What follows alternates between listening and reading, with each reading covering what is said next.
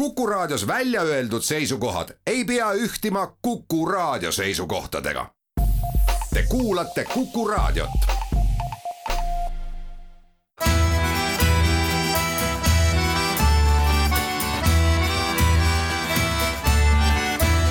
Kirillitsas Eesti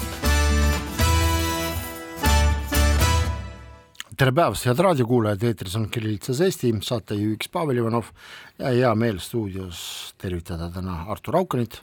tere! ja Dmitri Kukuškinit. tere päevast! alustame võib-olla huvitavast seigast, et täna loomulikult mitte teie, kuna te olete normaalsed inimesed, mina oma haige ajuga hakkasin läbi lappama kõiki äh, ressursse, mida ma tean, nii kohalikke, nii ka võib-olla mujalt väljaspoolt, eriti ida suunas, et äh, näha kas või ühtegi jälge sellest, et millega on siis tänane päev kuidagimoodi eristunud teistest päevadest, ehk siis tegelikult täna on nõndanimetatud pronksiööde kuueteistkümnes aastapäev. ja ma pean teile tunnistama, et äh, äh, mitte midagi ma ei leidnud ainult et nii palju, et sotsvõrgustikus ühes kohalikus venekeelses grupis äh, millegipärast tuli välja Yana Toomi Youtube'i mingisugune pöördumine, äh, tema mõtteavaldused seoses sellega, aga nad ei olnud dateeritud aastaga kaks tuhat kakskümmend kolm. muid mingisuguseid ilminguid seoses tänase päevaga ei kohalikes toksilistes äh, Vene nõndanimetatud meediaressurssidel ega ka Venemaa propagandas vähemalt saate alguseks ehk siis praeguseks hetkeks ma küll näinud ei ole. kuigi, eks ole, kui vaadata muid meediaallikaid, siis jah, on tsiteeritud Solovjovi saadet, kus ta äh, oli imestanud, et mis asi see Eesti üldse on, aga see vist oli reaktsioon sellele, et meil avaldati äh, nõndanimetatud mingid saladokumendid sellest, et mida siis Venemaa propaganda või siis Vene võimud tahtsid teha muuhulgas ka Eestiga, kusjuures mul oleks teile kui mm -hmm. ajakirjanikele, kes sellega nagu on ka kursis, et öelge palun, kuivõrd äh, unikaalsed need nõndanimetatud saladokumendid, mida Eesti Päevaleht avaldas, olid? Teie jaoks? no minu meelest äh, tegemist on äh, tavapäraste Vene võimude dokumentidega, et ma usun, et neid koostatakse massiliselt ja peaaegu iga, iga aasta, et korrigeeritakse, vaadatakse, kujundatakse poliitikat, et minu jaoks midagi huvitavat äh, selles faktis ei ole.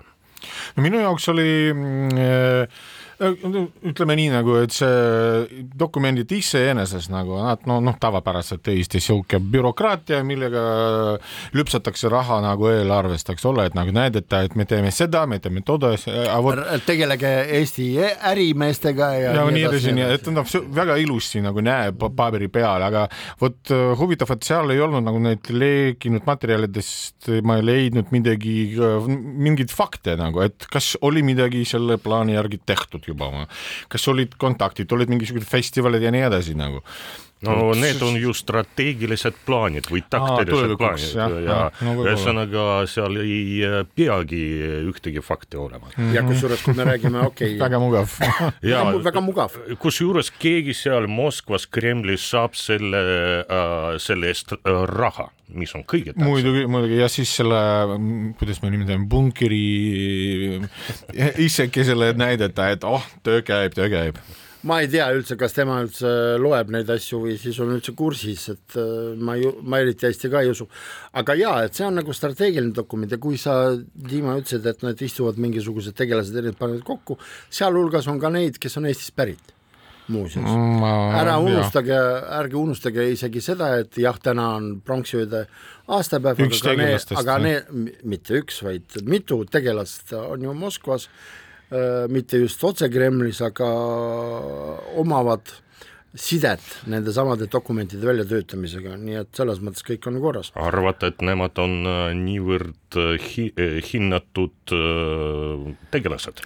Ma arvan, et see on täpselt see juhtum, kus on paslik meelde tuletada sellist väljaandit nagu Kasulikud idioodid. Mm. Aga muuseas, ega ma neid tegelasi niisama ka ei nimetanud, et näiteks üks infoportaal, mis nimetab ennast äh, Venemaa kaasmaalaste infoportaaliks Baltia, on äh, nendel päevadel juba avaldanud Maksim Reva sellist, ma ei oskagi öelda, mis on, arvamus või mitte, Maksim Reva oli ka tuntud läbi pronksiööde, eks ole. et äh, tema kiidab äh, olukorda Donbassis ja ütleb, et no nii, Luganski on saabumas rahu nii et kui sa veel ei teadnud seda ja sina ka, Dima, ei teadnud, et siis võtke teadmiseks, et Luganski on saabumas rahu. ja ma ei saa aru, miks meil seda tsiteeritakse, aga ju siis, tulles tagasi strateegiliste dokumentide juures, selline on ülesanne. Kui rääkida veel nendest taktilistest asjadest ta,, taktikalistest asjadest, et siis ärgem unustagem, et meil enam ei ole pinnast taktika jaoks. üks väga oluline lüli meil neljandal aprillil lahkas eksistentsist ja, ja. see on Venemaa kaasmaalaste koordinatsiooninõukogu, kelle peale Kreml tegelikult läbi Venemaa saatkonna pidi tegema oma stavku, nagu öeldakse mm, -hmm. pidi panustama sellele, aga kuna aastaid see organisatsioon ei tegelenud mitte kui millegiga, millest tegelikult, kui loogiliselt võtta, on natukene isegi kahju, sellepärast et see teistes riikides, kui ma vaatan Venemaa äh, kaasmaalaste mingisuguse liikumise, nad on vähemalt kuidagimoodi jätnud mulje, et nad millegagi tegelevad ah,. siin ei ole mitte midagi olnud. nii et tegelikult äh, ja kui me vaatame sedasama äh, niinimetatud äh, saladokumenti, seal ja. on ju kirjas, et me jätkame kaasmaalaste nagu toetusega, et järelikult midagi on muutunud vahepeal, kui dokument koostati aastal kaks tuhat üks, praegu on kakskümmend kolm ja seesama organisatsioon on juba ennast ammendanud. no kui te mäletate, siis vabandust, et isegi ma ei mäleta, mis aasta see oli, aga igal juhul siin käisid ju kõrged kaasmaalastega tegelevad inimesed äh, Moskvast ja sõna otseses mõttes ikkagi panid vastu päid koosolekutel meie kohalikele kaasmaalastele, et te kaklete ainult mingisuguste kopikate pärast, aga tööd te ei tee. ja tegelikult äh, ma arvan, et selles osas on juba ammu rist, nagu öeldakse, pandud aga panid sa tähele, et veel üks äh, tuntud organisatsioon äh,, nimelt äh, Vene kool, on kuskilt äh, uudiste äh, maastikult kuidagi kadunud? vot siin sa natukene eksid. eelmisel Aha. nädalal äh, oli uudis sellest, et äh, äh MTÜ Vene Kool Eestis esitas vastavad dokumendid ÜRO-le ja et ÜRO oli vastu võtnud nende mingisuguse kirja või ma ei tea, mis see on, et kus siis mainitakse, et äh, russkih võstvani pritisnejad mm. -hmm. nii et ta ei ole kuhugi kadunud. et vähemalt üks aktiivne selts on meil siin alles jäänud. tead, nad on ka niimoodi marginaalselt alles jäänud, aga tulles tänase päeva juurde, et mul on teile selline küsimus, et äh, tavaliselt me oleme harjunud, et äh, aprilli lõpupoole hakkavad tulema igasugused uudised sellest, et siiamaani pole lõpetatud Krimmi-asi Dmitri Ganini tapmisest ja nii edasi, nii edasi, et a, miks ei ole näiteks seekord mitte midagi, kas, kas see on, kas see on hirm selle ees, et sind võidakse väga vabalt, eks ole, Eestis deporteerida? Või siis tõesti see enam ei kõneta? ei kõneta absoluutselt, no vaata, kuusteist aastat on möödas ja viimane kord, kui sellest tõesti üsna palju räägiti, oli aasta äh, kaks tuhat seitseteist, et toona kõik ajalehed ilmusid nagu suurte artiklitega no,. nii-öelda juubeli puhul jah. juubeli kümme aastat jah. ja ma kardan, et see oligi viimane kord, et no kõik, see no iseenesest see surma kuupäev on just täna, kakskümmend seitse, äkki yeah. ma äh, arvan, et võib-olla Venes suur saatkond postitab midagi. seal ei ole enam alles inimesi, kes seda postitaks noh, see me, praegu on meil robotid ja tehisintellekt ja nii edasi ja, ja see, see paneb kõike. aga jah, vot tegelikult vot tulles tagasi selle nende sündmuste või nende mäletamise juurde, et me ise mõtlesime ahah, tuleb äh, noh, et äh, ühe, üha enam see kakskümmend kuus, kakskümmend seitse aprill nagu tulemas, et kas me teeme midagi uudistest sellest äh, üldse nagu, kas mainime või ei maini, et me otsustasime lihtsalt mitte mainida üldse nagu seda see on, see on tuua seitsme uudi-, venekeelsete uudiste positsioon, aga näiteks Raadio neljas, Artur? minu meelest ka eriti midagi ei olnud ja mis puudutab uudiseid, võib-olla kuskil kõlas, aga ma ei usu, aga mis puudutab seda päevakajalist eetrit, no siis kindlasti mitte, et no milleks, meil on ja, nii ja, palju muid asju, millest rääkida. Et no eelmistel aastatel oli ka nagu nii-öelda mm, ette noh, et kuidas on ütelda, et neid, kuidas Pritšiina on põhjus. ja põhjused olid jah, et näiteks keegi soodis äh, seda õnnetu pronkssõidurit jälle või min-, või midagi, noh, on juhtunud mm, -hmm. aga sel aastal sedagi ei ole midagi mitte selles mõttes, et me seda ootaks, aga, aga me konstateerime olukorda. et isegi nagu äh, kõige, kõige radikaalsemad äh, inimesed seda on unustatud. no ja pluss need uudised ka, et äh, iga pisikene ka seina määrimine vastavate kirjadega ja loosungitega on väärt trahvimist. aga siinkohal teeme väikese reklaamipausi, pärast jätkame.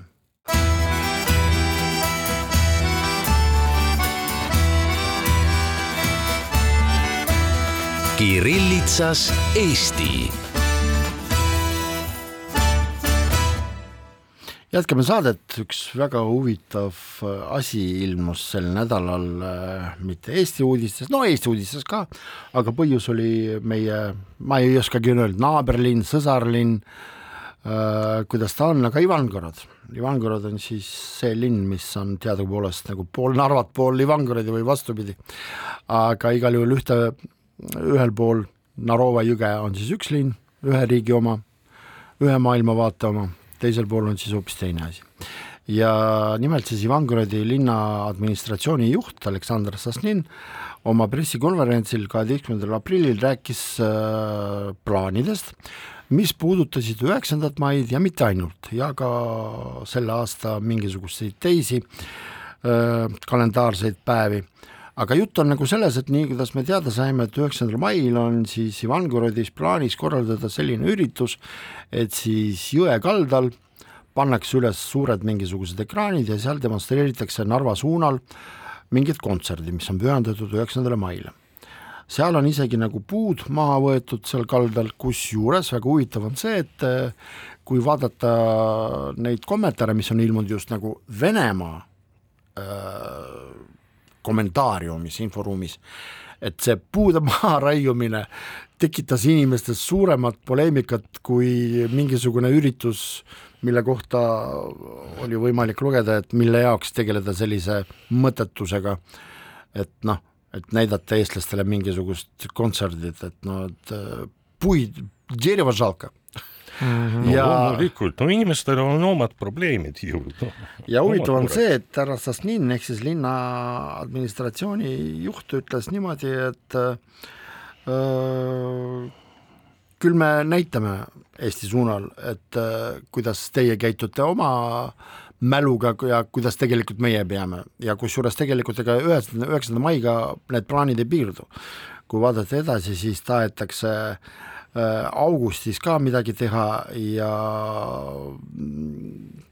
me ju teame kõik, et näiteks Ivangorodis on äh, tank T kolmkümmend neli mhm, püstitatud mm -hmm. suunaga Narva poole, see oli nagu vastulöök sellele, et kuueteistkümnendal augustil võeti Narvas tank maha, tähendab, mitte ei võetud maha, vaid teisaldati mm. Viimsi muuseumi ja. ja tahetakse vist äh, mälestussamba panna, üles panna äh,. äh Ivangorodides tahetakse luua skulptuuride ja mälestussammaste park, mille nimi on Ala Patriot ja see on ka nagu mõeldud. mõte seisneb selles, et ma tsiteerin lihtsalt, pust, pust smotrят, tam pametnikes nosjad, me ustanavljame, ehk siis las vaatavad seal mälestussambad võetakse maha, meie aga püstitame neid, et et kellele huvitav, seal kirjas oli, et äh, Ivan Kolmas on kõige esimene Ivan Kolmas oli see, kes oli Ivangorodi linna asutaja. asutaja, just, sellega on kõik okei okay,, aga ku-, kus ne- ja kes nad need teised tegelased, kas või Lenin, Stalin, Marx, Engels või no ei, ma, ma sain aru, sain aru niimoodi, et nad püstitavad koopiad neist mälestusmärkidest, mis ja. Narvas teiseldati. et Narvas Aha. oli veel üks Stella, seisis pargis äh,. mingid mälestustahvlid ja, ja nii edasi, nii edasi Narva elektrijaamade kõrval oli veel üks mälestusmärk ja kahur oli kahur, jah. ja siis mingi sein äh, elektrijaamade asutajad. ei no las nad teevad, nagu üks reklaamiinimene ütles, et noh, suht kreatiivne on see pargi loomine, aga, aga mis on mõte, mul on niisugune mul- mulje jäänud, kui ma loen neid asju, et et ega siin üheksanda mai mälestusega või siis hukkunute üle mälestusega pole mitte mingit tegu enam. et siin on nagu selline suur soov lihtsalt äh, ma, ma ei tea, no vene keeles on hoopis teised, eks ole, väljendid selle jaoks nojah, see on kondide peal tantsimine nagu. esiteks, aga teiseks on väga huvitav uudis, sellepärast et äh, mäletad, me rääkisime sellest, et äh, tänavu suurtes linnades, Venemaa linnades paraadi ei toimu, suuremad polgu nagu liikumiselt ei toimu, aga see Jaanilinnas millegipärast äh, nii paraad mm, -hmm. nii kontsert, vot ja ilutulestik ka tuleb. jah, aga kas te lugesite, et selles samas intervjuus, mida Ivangorodi linna administratsiooni juht andis oma kohalikule lehele, seal oli ju kirjutatud ju väga selgelt, et see on kooskõlas föderaalvõimudega mm. -hmm. et föderaalvõimud on otsustanud, et Ivangorodis tuleb selline plats sel aastal, kus siis näidatakse kogu seda võitlust äh, läänega, mille, mille nagu kuidas nüüd öelda, target'iks ongi nagu Eesti. aga mul on ikkagi see küsimus teile, et nagu et äh, ma saan aru, et propaganda, Venemaa propaganda, sõjapropaganda on iseenda, iseendaga plindris, kus lihtsalt see suurem rõhk tundub, et nagu läheb, et Eestile midagi halba näidata või kuidagimoodi neile mäkra mängida, nagu öeldakse eesti keeles, aga mitte mingisugust äh, mälestamist vist ei ole, kusjuures panin tähele, et meil nagu isegi politsei kutsub üles, et jumala eest mälestage, aga noh, vastavalt reeglitele ja vastavalt tänapäeva kontekstile. aga seal tundub, et käibki selline nagu mäng, teeme ära kellelegi. kuule, no see tegelikult see noh, see trall üheksandal mail on juba ammu tekkinud Venemaal ja üldse nagu veel Nõukogude Liidus, et kui hakati neid ja siis äh, laule laulma, neid äh, fondi, neid sada grammi võtma ja nii edasi, nii edasi, nii edasi, see juba ammu ei ole nagu mingit pistmist ei olnud nagu just äh, traagiliste sündmuste mälestamisega paraku. ja sellest küll ju kasvas see pinge meie pronksi ja, ja mhm. pronkssõduri ümber, see oligi sellest nagu,. aga kasvas. mõned on küsinud ka minu käest, et kas me ei peaks nagu midagi vastu näitama, et kas või tegutsema, kas, kas on mõtet reageerida sellistele asjadele? vaata, üheksas mai on äh, muuhulgas ka Euroopa äh, päev siin Eestis. Euroopa mitte no, kaheksas. ei, Üheksas, üheksas, üheksas ja suured nagu üritused toimuvad nii Tallinnas ja vot ma ei mäleta, kas Narvas tehakse midagi, et vist seekord no kindlasti tehakse vist no, Euroopa päevaga seoses. et äh, ja teeme korraliku kontserdi ah,, Tallinnas muide äh, kontsert toimub mm. ja seekord Vabaduse platsil, et äkki paneme ka äh, mingisugused ekraanid sinna kaldale, vot suured kõlarid ja kaks kontserti on meil siin piiri peal. jah, mingi infovõitlus, eks ole, et ma arvan, üks nagu nende eesmärkidest ongi nagu seda provotseerida mingi vastutegevust, et äh, nagu, et noh, näeb, et nagu me irritame NATO-t, eks ole, et me tegime midagi, et neile ei meeldi, aga siin on ka teine eesmärk, et äh, näidata, et nagu meie pool, meile pool Narva jõe kaldal Narvas, siis kogunetakse mingi hulk inimesi, kes tulevad sinna, et vaadata seda Katjuša laule ja nii edasi, et noh, ja see on juba nagu propagandistlik pilt nii iseenesest, et nagu ahah, et meie inimesed on seal ja nad ei saa meie juurde ja la la la, sellest tuleb noh, suur, suur mull tegelikult. aga tähendab, et ma saan aru, et teie pigem pooldate sellest, et las ta olla ja me ei peaks sellele reageerima mitte mingil moel. absoluutselt, no aga kuidas reageerida, no ma viskasin juba nalja selle alternatiivse kontserdi Jah. kohta ja no, kusjuures näidata Euroopa päeval Eurovisiooni laulu äh, mitte traditsioonilise orientatsiooniga esinejate laule. ja see läks täiesti, äh, propaganda ma võtan ka nagu asja vastu propagandana. et no see meie linnuse suur Hermanni torn on ju valge, et siin sellest saaks väga hea ekraan, just nagu kohe torni peale nagu. Aga teisest küljest no jällegi, no see on mõttetu raha raiskamine, et iga narvakas, kes vahest käis ka Jaanilinnas, no kindlasti teab, mis olukorras see linn nagu elab. Ja mis on see kurb reaalsus ja no sul on siin narvakas stuudios no ma olen ise isegi nagu Jaanilinnas sündinud ja Ah, elanud seal ja ah kuni Jaa. no. et noh, meil kui olid nagu Narva öö, kamba vahesed nagu pinged, et mis rajoonist sa oled, ma ütlesin kogu aeg, ma olen Jaanilinnast. Jaanilinnas oli kõige-kõige-kõige Atmaroseni kogu aeg ja nii, et noh, see vot ma, kui ma vähest käin, ma näen ja et kui see no, näiteks äh, teede o- o- olukord ja üldse nagu koristus on samal heal nõukaaegsel tasemel, et mitte midagi ei teha seal. Ja vastupidi, kõik need Jaanilinna elanikud ka teavad, kuidas narvakad, teavad, kuidas narvakad elavad. et mi, kuidas see olukord Narvas erineb nende omast, et no kohalike jaoks on no tõesti see tsirkus ei mängi mingit rolli. kusjuures ma panin tähele, et äh, ei mängi rolli ka näiteks nende tänavasiltide vahetus, mis sel nädalal oli Narvas. et äh, vaadata neid videokaadreid, mis on tehtud igasuguste uudiste äh, saadetes, et äh, inimesed ütlevad, et no issand jumal, no ja mis siis on. mitte midagi pole. ehk siis äh, ma arvan, et me võime uskuda neid narvakaid näiteks, et kes ütlevad, et kuulge, et ma elan Eestis ja see on, ongi kõik.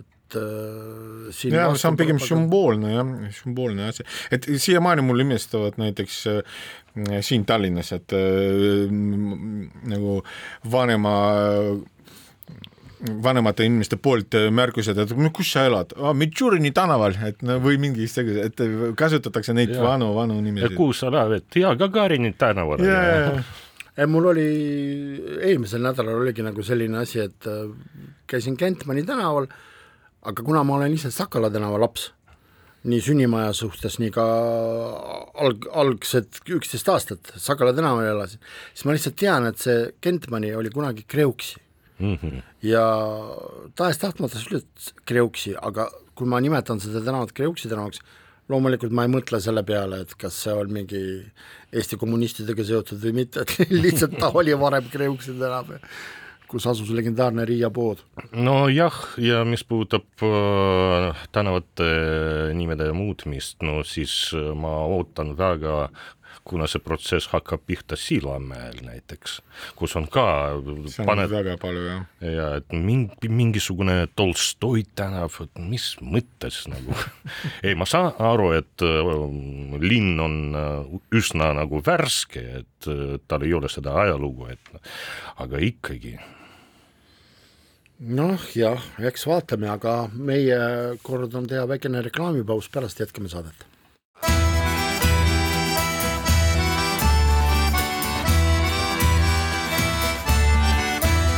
Kirillitsas Eesti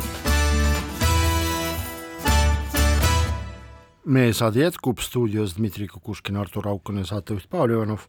sel nädalal oli üks väga huvitav äh, intervjuu ETV Plussis äh, uue Riigikogu, uue põhiseaduse komisjoni esimehe Igor Taroga, kes esindab parteid Eesti kakssada, kus siis saatejuht üritas äh, täiesti professionaalselt ja täie jõuga teada saada, et äh, mis on siis põhiseaduse komisjoni esimehe seisukoht seoses sellega, et äh, on plaanis piirata äh, Venemaa Föderatsiooni ja Valgevene Vabariigi kodanikel hääletusõigus uurida vastava võimaluse. äh, õiguslikku jah. Äh, selle jaoks, et, äh, et piirata hääleõigus kohalikel valimistel ja ausalt öeldes ma ei ole mitte kunagi veel, tähendab, ma ei ole ammu näinud niivõrd äh, ettevaatlikut ja sisutühja intervjuud niivõrd tegelikult olulisel teemal ja mitte oluline mitte see, et kas võetakse ära või mitte, et lihtsalt selgitada, millises staadiumis see eelnõu on. Ja just tõesti nii, kuidas sa väga tabavalt ka määratlesid seda, et saada teada, et kuidas siis käib see protsess, et otsida neid õiguslikke põhjuseid, et seda piirata, et me lihtsalt teame seda, meie ajakirjanikud ja ka inimesed tegelikult teavad, keda see võib-olla puudutab või on oht, et puudutab, et selle ümber käivad õiguslikud mingisugused vaidlused. no loomulikult, no kuna no tõesti suur osa juriste arvab, et selleks on vaja põhiseaduse muuta muuta, aga see on keeruline protsess, et äh, kasvõi suure äh, enamusega seda võtta selle Riigikogu koosseisuga, aga selleks ei ole hääli. näiteks äh, kuna ütleme, Keskerakond on kindlasti vastu mu meelest. No vastu on, ma olen aru saanud ka mitte ainult Keskerakond, vaid ka mõned koalitsiooni jah, ja kui, kui jutt äh, juba käib vabast, nii-öelda vabast hääletamisest, no et kindlasti selleks ei ole lihtsalt no matemaatilised äh, hääli. Ja, ja teine võimalus on äh, nagu kahe järjestikus koosseisus seda teha, aga jällegi siis nagu äh, see protsess võtab mitte neli, vaid äh, kaheksa. aastat. Ja milleks? Olukord on siis hoopis teistsugune. Vot, ja ma arvan, et nagu Igor Taro ütles intervjuus, et see on lihtsalt signaal. See on lihtsalt signaal Venemaale, et no, et meil on niisugused plaanid olemas. Kuulge, kolleegid, ega te ei mäleta, kuidas see asi üldse nagu tekkis meil siin, et millal nende vot Venemaa ja Belarusi kodanikele anti just seda õigust, neil ei olnud just seda ei no see on põhiseaduses ära määratletud, et oota, ei, ei, ei. algusest peale oli vist. jah, algusest peale oli. Nad, nad said, aa, et lisandus ainult hallpasside õigus mingil, mingil ajal. Yana Toom ja Ždanok võitlesid seda välja kuskilt nüüd sa esitasid sellise küsimuse, lihtsalt ajakirjanduslik mälu ei okay, ole okay, nii okay., niivõrd et lihtsalt noh, kui see oli kogu aeg, siis jaa, muidugi see on ei no see oli, sisuliselt see oli kogu aeg, aga äh, sest Lätis näiteks seda ei ole ma praegu no, Lätis on hoopis teine põhiseadus okay,. Okay. ja ma praegu hakkasin mõtlema, et kui sa ütled, et Igor Taro ütles oma äh, intervjuus, et see on signaal Venemaale, aga mis mõttes? aga mida me sellega nagu, mida me siin signaliseerime?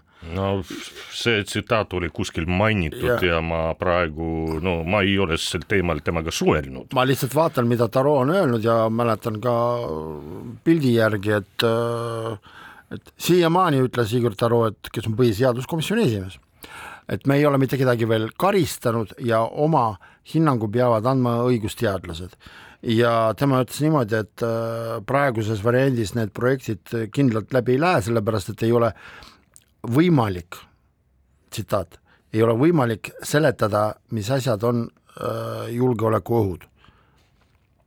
tähendab, kui sa oled põhiseaduskomisjoni esimees ja kui sa räägid sellist juttu, siis on kaks teed tegelikult, kas sa astud tagasi, sellepärast et sa ei oska seletada, või siis võtad selle seadusprojekti tagasi, sellepärast et ta ei ole arusaadav aga ma veel kord kordan, et ma ei ole niivõrd no äh, ümmargust juttu kuulnud. no, no see, see koali-, koalitsioonilepe, lepe ongi niisugune ümmargune üleüldse, et no me rääkisime ja mitu korda sellest, et no põhimõtteliselt no see on süstemaatiline probleem, ma ütlen niimoodi.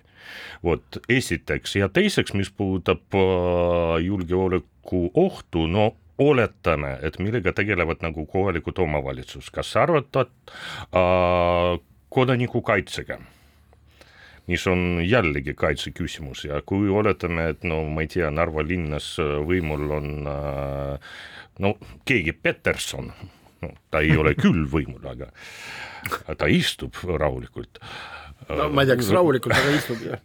no aga ikkagi, et no mine sa tea, kuidas nagu Stalnuhhin või keegi teine oleks nagu selle kodanikukaitsega tegelenud mm,? jah, aga ikkagi selles mõttes, et äh, raadiokuulaja selgituseks, et äh, vähemalt minu kui saatejuhi, kes ma praegu juhin ka seda diskussiooni, eesmärk ei ole äh, Äh, panna seesama seadusprojekt kuidagimoodi põlu alla, ei, lihtsalt tõesti, jutt käib selles, et inimesed kõik saaksid üheselt aru, millised on õiguslikud alused ja kui nendega on lahendatud, okei okay,, jumala eest, kui on õiguslikult kõik nagu korras, aga et kui te ütlete, et see on niivõrd ümar niigi koalitsioonileppes ja see intervjuu Igor Taroga oli ümaratest ümaram, no lihtsalt siis, siis inimestes nagu see arusaam asjadest jääbki nagu arusaamatuks ongi nii punkt, et noh, no selles mõttes tegelikult see on väga keeruline asi ja ma arvan, et no arvestades Eesti kahesaja üsna lühikese selle varumeeste pingiga, et nagu nad panid äh, Riigikogu komisjonidesse neid, kes on neid, kes neil oli, eks ole, ja kui vanasti see põhiseaduse komisjoni esimees sa oled isiklikuks. ei, ei, ei, vot ma üritan mitte minna, aga selles mõttes, et varasemad äh, selle komisjoni esimehed tavaliselt olid äh, väga kõrge kvalifikatsiooniga juristid ja kogenumad äh, Riigikogu liikmed ja nii edasi, see on väga-väga tähtis koht, eks ole. ja siis noh, noh, niisugune uus tulnuk ja sellepärastki ta ei ole veel sisse elanud, ta ei saagi mitte konkreetsemalt ütelda. ja jällegi mõned Riigikogu liikmed kogu aeg pabistasid, et äh, miks meil ei ole nõunikke et kui Igor Tarol oleks nõunik, siis no see seadusandlus. ta ei läheks Riigikokkugi Läheks sujuvamalt. no ja, ja aga Dmitri, sa nagu ütlesid, et noh, et ei ole kogemusi ja ei ole veel sulandunud ja ma ei tea, mis asja, et aga noh, meie kui ajakirjanduse esindajad võiksime nagu ka selle peale juhtida tähelepanu, et äh, võiks nagu võtta sõna või võtta vastutuse juhtida näiteks põhiseaduskomisjonis, kui sa oled ikkagi karastatud selles küsimuses ja sa oled ette valmistatud nendes küsimustes, aga see, mida ma nägin ausalt öeldes, see jättis mul väga frustra-, frustreeriva mulje. no vot, vot jällegi me jääme siis äh, liigume sinna, et meil valitsus otsustab kõike, eks ole, ja Riigikogule jääb selline roll nagu selle äh, kurikuldse kummitempli nagu roll, eks ole. okei okay,, aga üks asi oli selles mõttes nagu huvitav, et äh, kodanik Taro juhtis sellele, et ikkagi võiks inimesed mõelda selle peale, et võtta Eesti Vabariigi kodakondsus. on teil mingi retsept põhiseaduskomisjoni esimehele, kuidas seda võiks saavutada vot see on hea küsimus. et võtta siis Vene kodakondsuse ära või? no ma ei tea, kuidas selles olukorras käituda, et äh, Eesti kodakondsus saab ju tingimusel, et sa ei ole sellesama näiteks Venemaa Föderatsiooni kodanik. aga me ju teame, kuivõrd probleemne no ma arvan, juba ammu võiks teha sellise eksperimendi, et pakkuda Eesti kodakondsust ilma eksamita, eks ole.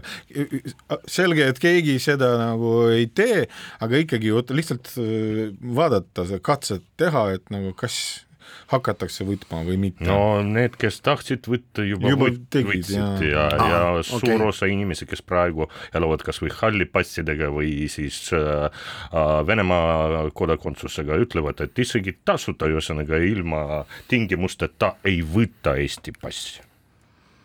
põhjus? ei taha.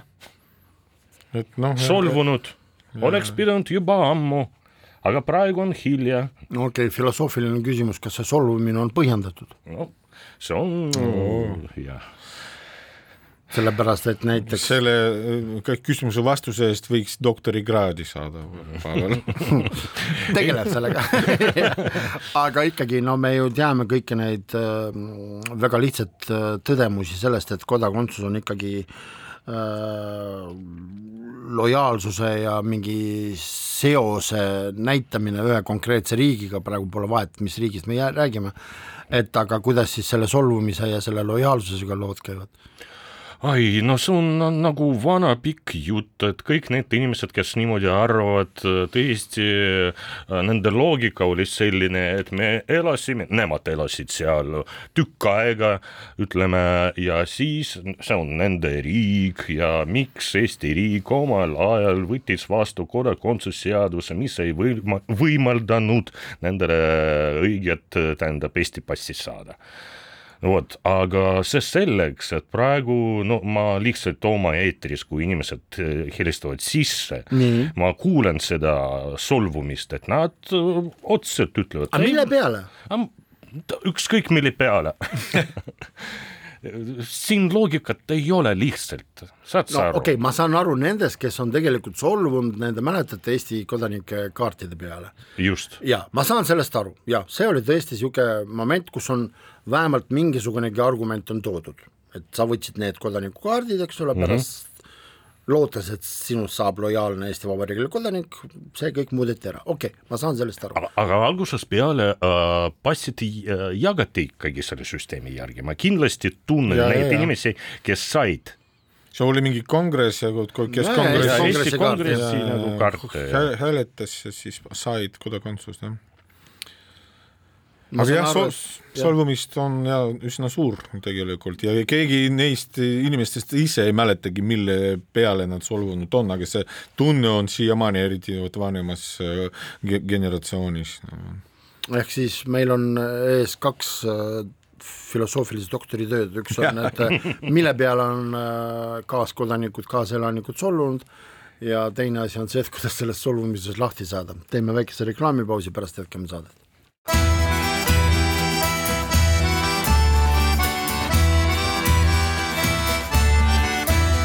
Kirillitsas Eesti. Jätkame saadet ja mis te arvate tänasest uudisest, et EKRE taas pakkus välja Integratsiooni Sihtasutuse nõukogu liikmeks äh, Ruuben Kaalepit, keda, kelle suhtes nagu mõni kuu tagasi, siis kui teda esimest korda pakuti, sõna võtsid sealhulgas ka juudi kogukond ja mõned äh, mõistusega inimesed, et äh, kas No- on, kas on vaja nüüd jälle nagu no me kõik teame, et EKRE liikmed on suured äh, naljamehed, et see on jah, niisugune mõnitamise meisterklass, no aa, nii et ikkagi jutt käib trollingust. absoluutselt muidugi. no väga kahetsusväärne. või vastupidi, nad tahavad, et Ruuben Kaalep ise integreerus kuskil, et siis ta oleks nagu tema silmapiiri äh, laieneks ja nii edasi, võib-olla see on siukene jällegi kasvatuslik meede. äh, saaks rohkem infot äh, juudi kultuuri kohta näiteks. oi-oi, miks sa niimoodi oi-oi ütlesid? lihtsalt ma okay. iseendale ütlesin, et see on väga-väga sild jää. kuulge, sel nädalal oli veel üks väga selline tundlik äh, uudis sellest, et selgus, et äh, nii mõningas äh, Eesti koolis, kus õpivad Ukraina põgenike äh, lapsed, on ilmnenud selline ma ei saa öelda, et tendents või siis probleem, aga igal juhul äh, tunnetuslikult on äh, avastatud sellist asja, et nagu Ukraina lastel on siin koolis Eestis õppida suht keeruline, sellepärast et no niimoodi väga üldistatuna öeldes, et puudub neil mingi motivatsioon. et äh, mis, et me oleme nagu, meie riik on teinud väga palju selle jaoks, et äh, siin Ukraina lapsed, kes on koolis või gümnaasiumis õppimas, et nad kuidagimoodi äh, ei tunnetaks, et nad on kuidagimoodi elust kõrvale jäänud. millegipärast mulle tundub, et tegemist on üksikute juhtumitega, et põhimõtteliselt seal artiklis oli mainitud kaks kooli vist jah, vot äh, mina suhtlesin hoopis äh, äh, niinimetatud Vabaduse kooli äh, õpetajatega ja nemad äh, väidavad, et motivatsiooniga lastel on äh, kõik hästi, et selles mõttes ja loomulikult nende tase erineb Eesti omast, et no me kõik teame, et PISA testide järgi Eesti on esikohal Euroopa Liidus ja kolmandal kohal nagu üldse maailmas. ja loomulikult, kui äh, need vaesed las-, lapsed õppisid kuskilt Ida-Ukrainas, ma ei tea, mitte suures linnas, vaid mõnes külas, no loomulikult nendel ei olnud nii äh, palju häid äh, õpetajaid ja need äh, Vabaduse kooli teg- tegijad ütlesid, et loomulikult matemaatika, füüsika, inglise keel on kõik äh, kõige nõrgemad nagu kohad ja pluss selleks loomulikult, mis puudutab eesti keele õpet, no siis see on pikk protsess. ja jah, mõned perekonnad, kes siia tulid, tõesti tulid mõttega, et, et see sõda ei äh, lõpe niipea et äh, olukord on selline ja me lihtsalt elame ja jätkame elamist Eestis ja nende lapsed on ikkagi õpivad ja õpivad hästi aktiivselt, mis ja praktika näitab. Mm. -hmm. ja, ja on äh, muidugi teised, kes ootavad ära, et kunas nad äh, saavad tagasi Ukrainasse minna, eks ole, siis neil tõesti, see on loogiline, et äh, kuna nad ei planeeri meie nagu kohalike kõrgkoolidesse astuma ja nii edasi, siis nad nagu ei seosta end no nii palju nagu just nagu kohaliku keelega ja kohaliku kultuuriga, aga ja pluss, pluss selleks nad, mõned neist võtavad äh, tunnid nagu interneti kaudu Ukraina ja, ja. programmi järgi, selline süsteem ka olemas. et põhimõtteliselt kogu aeg, vot ma mäletan need äh, põgenikud ise, vanemad küsisid, et kas tõesti meie lapsed peavad Eestis äh, koolis käima iga päev nagu ja meie seaduse järgi küll, üheksanda klassi lõpuni Eesti äh,, laps peab õppima vot ja kohaliku programmi järgi ja vot mis puudutab vanemate klassi õpilasi, vot siis on juba, võib-olla tekib niisugune olukord, et laps ise mõtleb, okei okay,, kui ma tulen tagasi Ukrainasse, siis ma pigem võtan mingit programmi või äh, mentorit nagu internetist. aga kui palju siiski Ukraina kooli ja gümnaasiumi õpilastele läheb äh, korda või pigem mitte korda see, et nad, äh, kui nad, no me teame, et enamus neid lapsi on ju nende põgenike perekondades, kes on tõesti Donbassist pärit. ehk siis ütleme niimoodi, venekeelsest Ukraina piirkonnast. kui palju see õppimiskeele äh, problemaatika mõjutab sedasama motivatsiooni? Mm.. ja võib eeldada, et nagu küll mõjutab see, no eesti keel on äh, üsna keeruline keel nagu õppimiseks, eks ole, ja kui sul ei ole nagu väga palju nagu plaane seostada selle riigiga, selle keelega, siis nagu, et nagu panustada sinna, et kogu aeg, et no mitu tundi päevas õppida, õppida, õppida pähe eesti keelt, no ma ei tea, et leiduks palju selliseid inimesi. ja, ja samas Vabaduse koolis on näiteks keelekümbluse programm, et meile näidati, kuidas see protsess käib ja tõesti, see on no hoopis omaette kunst õpetajate jaoks, et lihtsalt äh, anda seda infot lastele. Ja niimoodi, et nad nagu, nagu ikkagi said selgeks.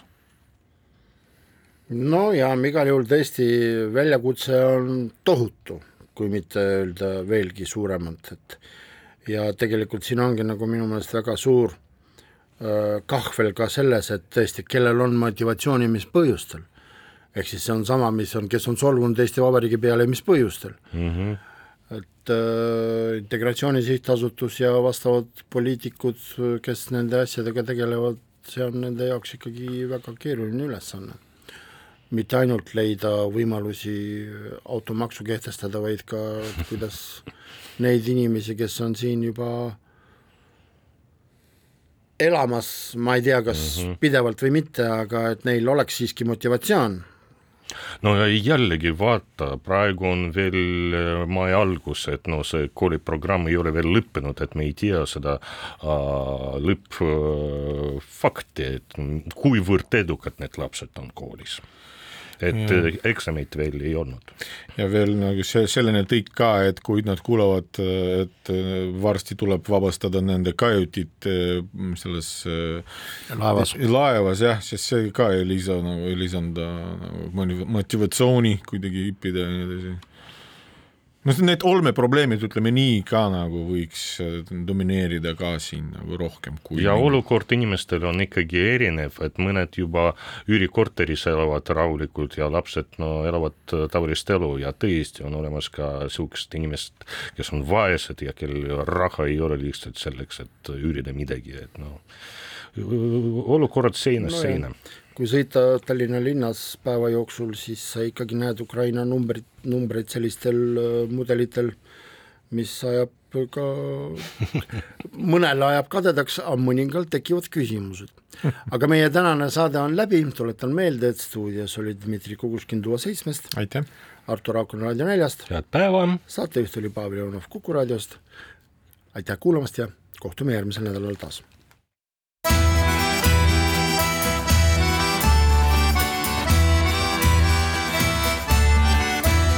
Kirillitsas Eesti